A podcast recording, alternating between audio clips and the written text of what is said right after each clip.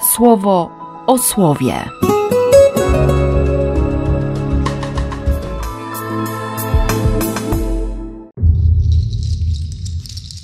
7 maja, sobota. Z dziejów apostolskich. Po jakimś czasie Piotr postanowił odwiedzić ludzi, którzy uwierzyli w Chrystusa. Wędrując od jednej społeczności do drugiej, dotarł również do tych, którzy mieszkali w Lidzie. Tam zaproszono go do pewnego człowieka, Eneasza, który od ośmiu lat leżał sparaliżowany.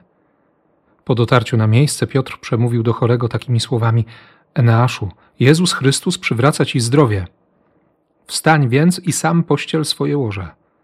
I człowiek ten powstał od razu. Kiedy mieszkańcy Lidy i Saronu ujrzeli Eneasza chodzącego, wszyscy nawrócili się do Pana. W pobliskiej Jafie mieszkała pewna kobieta imieniem Tabita, co znaczy gazela, która należała do grona uczniów Pana. Była powszechnie znana z tego, że czyniła dobro i chętnie wszystkim pomagała.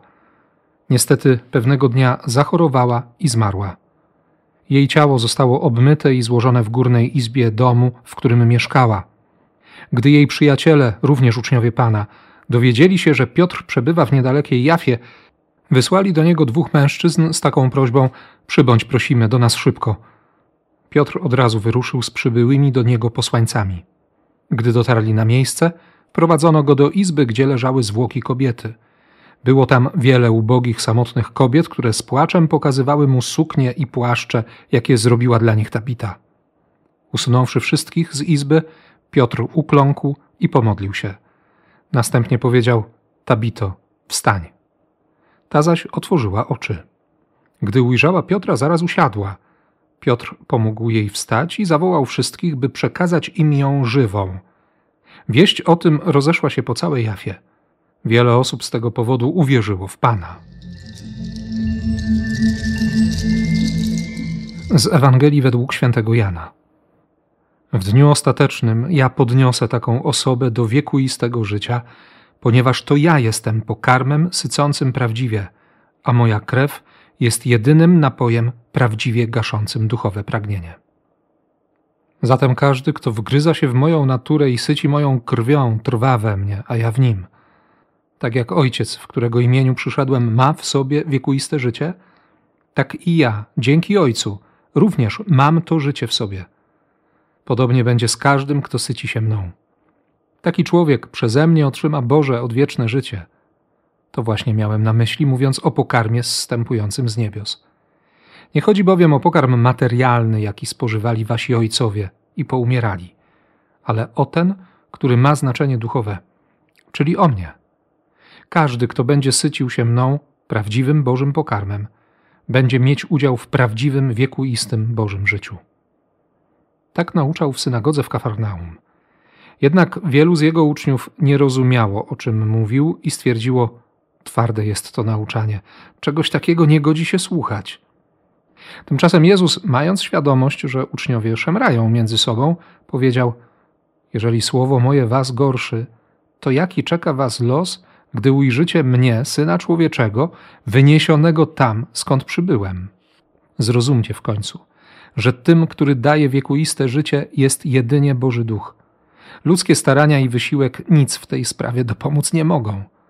Bez Ducha Bożego nieskończone i odwieczne życie nie jest dostępne dla człowieka. Słowo, które ja wam przekazuję, jest duchem i życiem.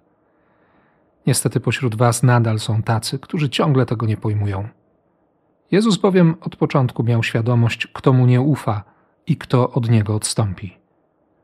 Na koniec dodał jeszcze: Dlatego powiedziałem wam, że nikt nie przyjdzie do mnie, jeśli wcześniej nie przylgnie do Ojca.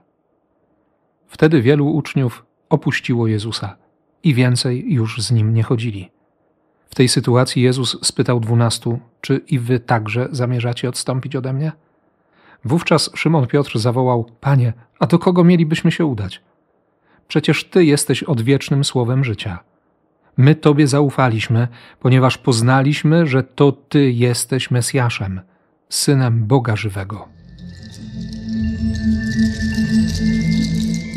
Piotr robi pierwszą wizytację kanoniczną. Postanowił odwiedzić ludzi, którzy uwierzyli w Chrystusa. i zagląda do człowieka, który jest sparaliżowany. Osiem lat leży w łóżku. Tak sobie pomyślałem o, o moich paraliżach, nie? O tym, co się we mnie dzieje, o, o jakichś chwilach lęku, o bezradności i o tym, że, że to stawia w takiej dziwnej sytuacji, no bo przecież Bóg jest wszechmogący i, i nie muszę się niczego bać i tak dalej, i tak dalej, i prawdziwa miłość usuwa lęk i, i generalnie powinienem być wszystko mogący. A tu taki Eneasz. Na przekór swojemu imieniu jest zamknięty, nie może się poruszać, nie może też poruszyć innych. Nic nie może zmienić w tej rzeczywistości, która go otacza. Paraliż, niemożność. A przecież to człowiek, który ma jaśnieć blaskiem, z powodu którego inni powinni chwalić Boga, no, skoro uwierzył w Chrystusa. Potrzeba Piotra. Nie? Potrzeba człowieka, który, który został wyciągnięty z tego lochu strachu, który doświadczył wolności przez miłosierdzie, przez nieustępliwą miłość Jezusa. Ten 21 rozdział Ewangelii Jana wraca jak echo. I jeszcze to, co Archanioł Gabriel powiedział do Maryi: Dla Boga nie ma nic niemożliwego. Nie ma niemożliwych rzeczy dla Boga. A jeśli ktoś wierzy, dziewiąty rozdział Marka, nie? wszystko jest możliwe dla tego, kto wierzy. To słowo nie przychodzi po to, żeby oskarżyć. Tylko od wczoraj już tak sobie siedzę e, z tym przekonaniem, nie, że, że jest sporo takich przestrzeni, gdzie jestem sparaliżowany, zamknięty, gdzie ostatnią myślą jest to, żeby Boga uwielbiać. I potrzebuję Piotra, potrzebuję Kościoła, żeby to się zmieniło. To jest sakrament zbawienia. A potem jeszcze ta bita. Była powszechnie znana z tego, że czyniła dobro i chętnie wszystkim pomagała. Tu nie tylko chodziło o te suknie, o hitony, o, o płaszcze, o jakiekolwiek ubrania.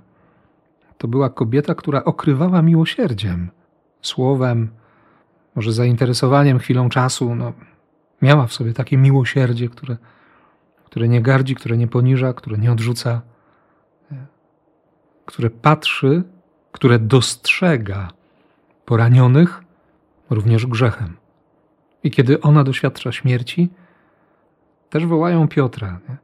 Wołają człowieka, który doświadczył miłosierdzia, który już nie pyta, czy siedem, czy siedemdziesiąt siedem razy, czy sto pięćdziesiąt cztery, tylko wie, że Bóg jest miłosierny, że mu się to nie skończy.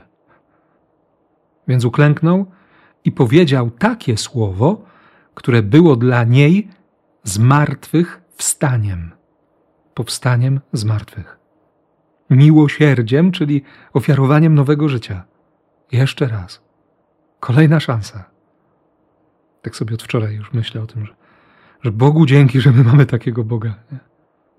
Że On jest naszym Bogiem, że, że możemy się Nim karmić.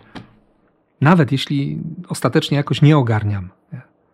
Ten nowy przykład dynamiczny nie zawiera takich sformułowań, które ma choćby Biblia pierwszego Kościoła czy tysiąclatka nakarmić się Chrystusem, jeść Jego ciało. No, Eucharystia. Eucharystia. Po to, by mieć życie. I o ile wcześniej szemrali kapłani, teraz w szemranie wchodzą uczniowie. Twarde jest to nauczanie. Trudna jest ta mowa. Nawet się nie godzi tego słuchać. Zgorszenie, zgorszenie słowem, zgorszenie miłością, nie? skandal miłosierdzia. A Jezus na to nie patrzy. To znaczy, nie próbuje jakoś ułożyć się z nimi, powiedzieć, że. No właśnie, właściwie co miałby powiedzieć? Słowo, które ja wam przekazuję, jest duchem i życiem. Daję wam słowo życiodajne. I w końcu pytanie do tej dwunastki. Wspaniałej, parszywej. Wy też chcecie odejść? Też zamierzacie odstąpić ode mnie? Do kogo mielibyśmy się udać? Ty masz słowo życia, ty masz słowo życiodajne.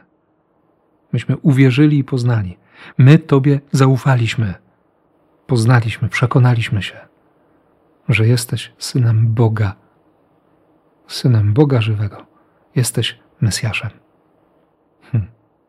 Zaufać i poznać, mieć relację, wejść w Eucharystię, być z Nim tak bardzo jedno, po to, by On zadbał, żeby nam nigdy nie było wszystko jedno. Niech to słowo będzie dzisiaj dla Ciebie życiem. W imię Ojca i Syna i Ducha Świętego. Amen. Słowo o słowie.